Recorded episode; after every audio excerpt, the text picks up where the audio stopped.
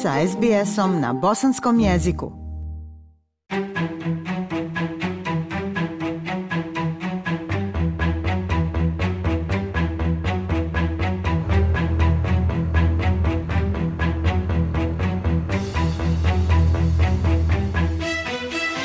Slušate SBS program na bosanskom jeziku.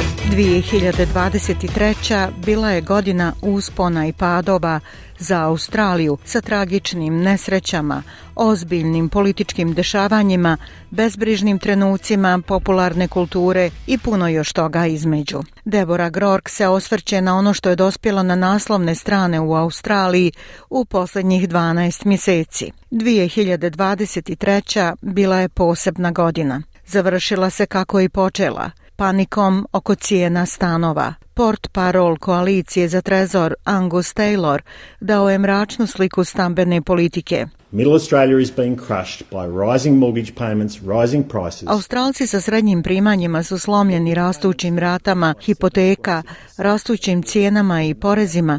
Otplate hipoteka su porasle za 7,6% u jednom kvartalu, a skoro su se utrostručile od kako su laburisti ušli u vladu. Godinom su također dominirali razgovori o pristupačnosti na tržištu iznajmljivanja. Izvještaj potvrđuju da su esencijalni radnici nedovoljno plaćeni tamo gdje treba da rade. Kompanije su prijavile da nisu bile u mogućnosti da zapošljavaju radnike zbog troškova kirija, a došlo je i do povećanja broja ljudi koji su se našli bez krova nad glavom. Jedan čovjek po imenu Ala rekao je za SBS da živi u šupi u Pertu sa troje od šestero djece, odvojeno od supruge i druge djece jer nisu mogli naći gdje da žive zajedno. To be around my, my kids, even at, in a tent. Biti u blizini svoje djece, čak i u šatoru, to mi ne smeta. Sve što želim je da vidim svoju djecu, da budem u njihovoj blizini. Vlasti i lideri proveli su ovu godinu prepirući se i nudeći ideje o smanjenju inflacije koja je uglavnom bila vođena povećanjem cijena stanarina i roba. Blagajnik Jim Chalmers dao je sve od sebe da bude umirujući glas razuma, uvjeravajući glasače da im vlada pokušava pomoći da se izbore s rastućim troškovima života svojim fiskalnim odlukama i majskim budžetom. Razumijemo i prepoznajemo da su ljudi pod velikim pritiskom troškova života, ali pozdravljamo i ohrabrujemo napredak u ovoj borbi protiv inflacije inflacije. To smo vidjeli u najnovijim podacima. Naš plan ima za cilj da smanjimo neke od ključnih pritisaka troškova života bez povećanja inflacije. 2023. godina također je bila godina tragedija. U januaru su u nesreći helikoptera na Gold Coastu u Queenslandu poginule četiri osobe, a povrijeđeno osam. Zamjenik premijera Steve Miles rekao je da se sudar u zraku dogodio u blizini Sea World Resorta u Australiji dok je jedan helikopter slijetao, a drugi polijetao. Rekao je da će istraga utvrditi zašto se nesreća dogodila. Uh, uh, Policija Queenslanda će nastaviti istragu i dostaviti izvještaj. Vlasti Queenslanda će nastaviti pomagati saveznim vlastima avijacije na bilo koji način. U Novom Južnom Velsu dvije starije žene umrle su u strašnim okolnostima u staračkim ustanovama. Jedna, Claire Noland, nakon što ju je policajac navodno udario, a druga žena na središnjoj obali države nakon što je navodno bila seksualno zlostavljana. Nadzornica detektiv Jane Doughty rekla je da je svim srcem uz žrtve i ostale štićenike staračkog doma. It's horrendous that someone Užasno je da neko, bilo koja osoba u sigurnosti svoga doma bude ovako napadnuta, ali napasti veoma bespomoćne starice je za nepovjerovati. Bilo je i drugih ozbiljnih događaja na političkoj sceni. 2023. godina bila je godina referenduma za glas u parlamentu autohtonih Australaca, koji je sveobuhvatno poražen – Direktor kampanje Yes, Dean Parkin, rekao je da im je srce slomljeno rezultatom referenduma. I want to speak very directly to those Australians who voted no with hardness in your hearts. Želim govoriti veoma direktno sa onim Australcima koji su glasali protiv tvrdog srca. Molimo vas da shvatite da aboriđini i otočani Moreuza Torres nikada nisu željeli ništa da vam uzmu. Nikada nismo i nećemo misliti da vas oštetimo.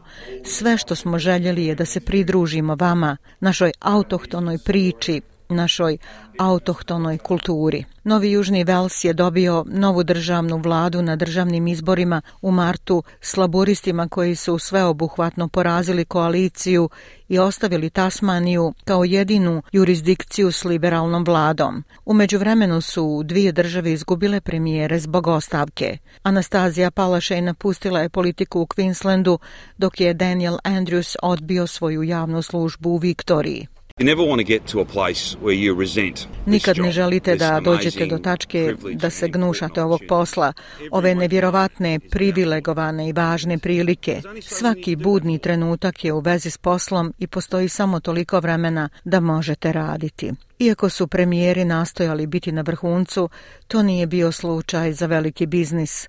Prekid rada Optusa je u novembru doveo milione ljudi bez telefonske i internetske veze, a neki navodno nisu mogli uputiti pozive hitnoj pomoći. Izvršna direktorica Kelly Bae Rosmarin pojavila se pred parlamentarnom istragom da se izvini i odbrani odgovor kompanije.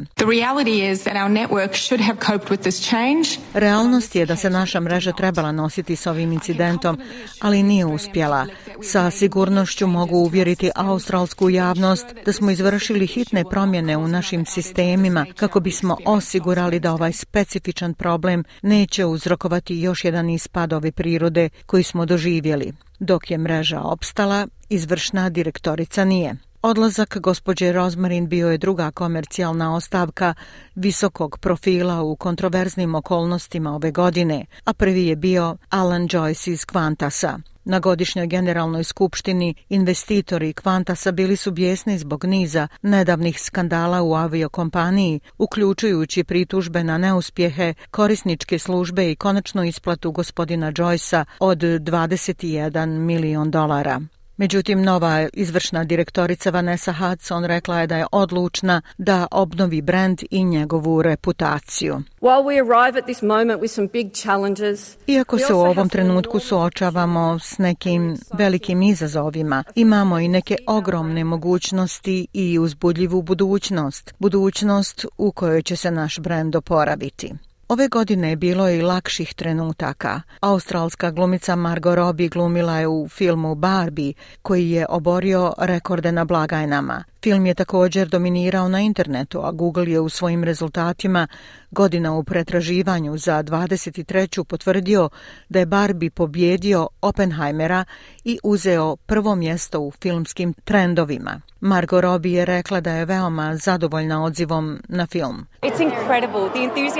To je nevjerovatno. Entuzijazam koji su ljudi pokazali širom svijeta, koji se pojavljuju sa svojim prijateljima, nose roza boju, oblače se kao i broj tipova likova koji se pojavljuju u ovom filmu, ja sam oduševljena. Ove godine je također došlo do ludila zbog ograničenog broja karata za gledanje koncerta Taylor Swift u Melbourneu i Sidneju. Ana Leiza Cho bila je jedna od sretnih fanova koja je dobila kartu. Oh, I've been Swifty fan since I was in high school. Ja sam fan Swifty još od srednje škole i zapravo sa svojim bivšim dečkom prije Love Story bila je naša pjesma. Neočekivani svjetlosni trenutak za Australiju ove godine bilo je raskošno krunisanje kralja Charlesa na koje je nacija poslala svoju delegaciju. Obožavatelji na društvenim mrežama primijetili su da je delegacija uspjela dobro pogledati divovsko Fabergeovo krunitbeno jaje prikazano na ceremoniji krunisanja za koje su radosno nagađali pronađeli da je zapravo sveta ručna granata Antiohije. We have the holy hand grenade. Yes, of course.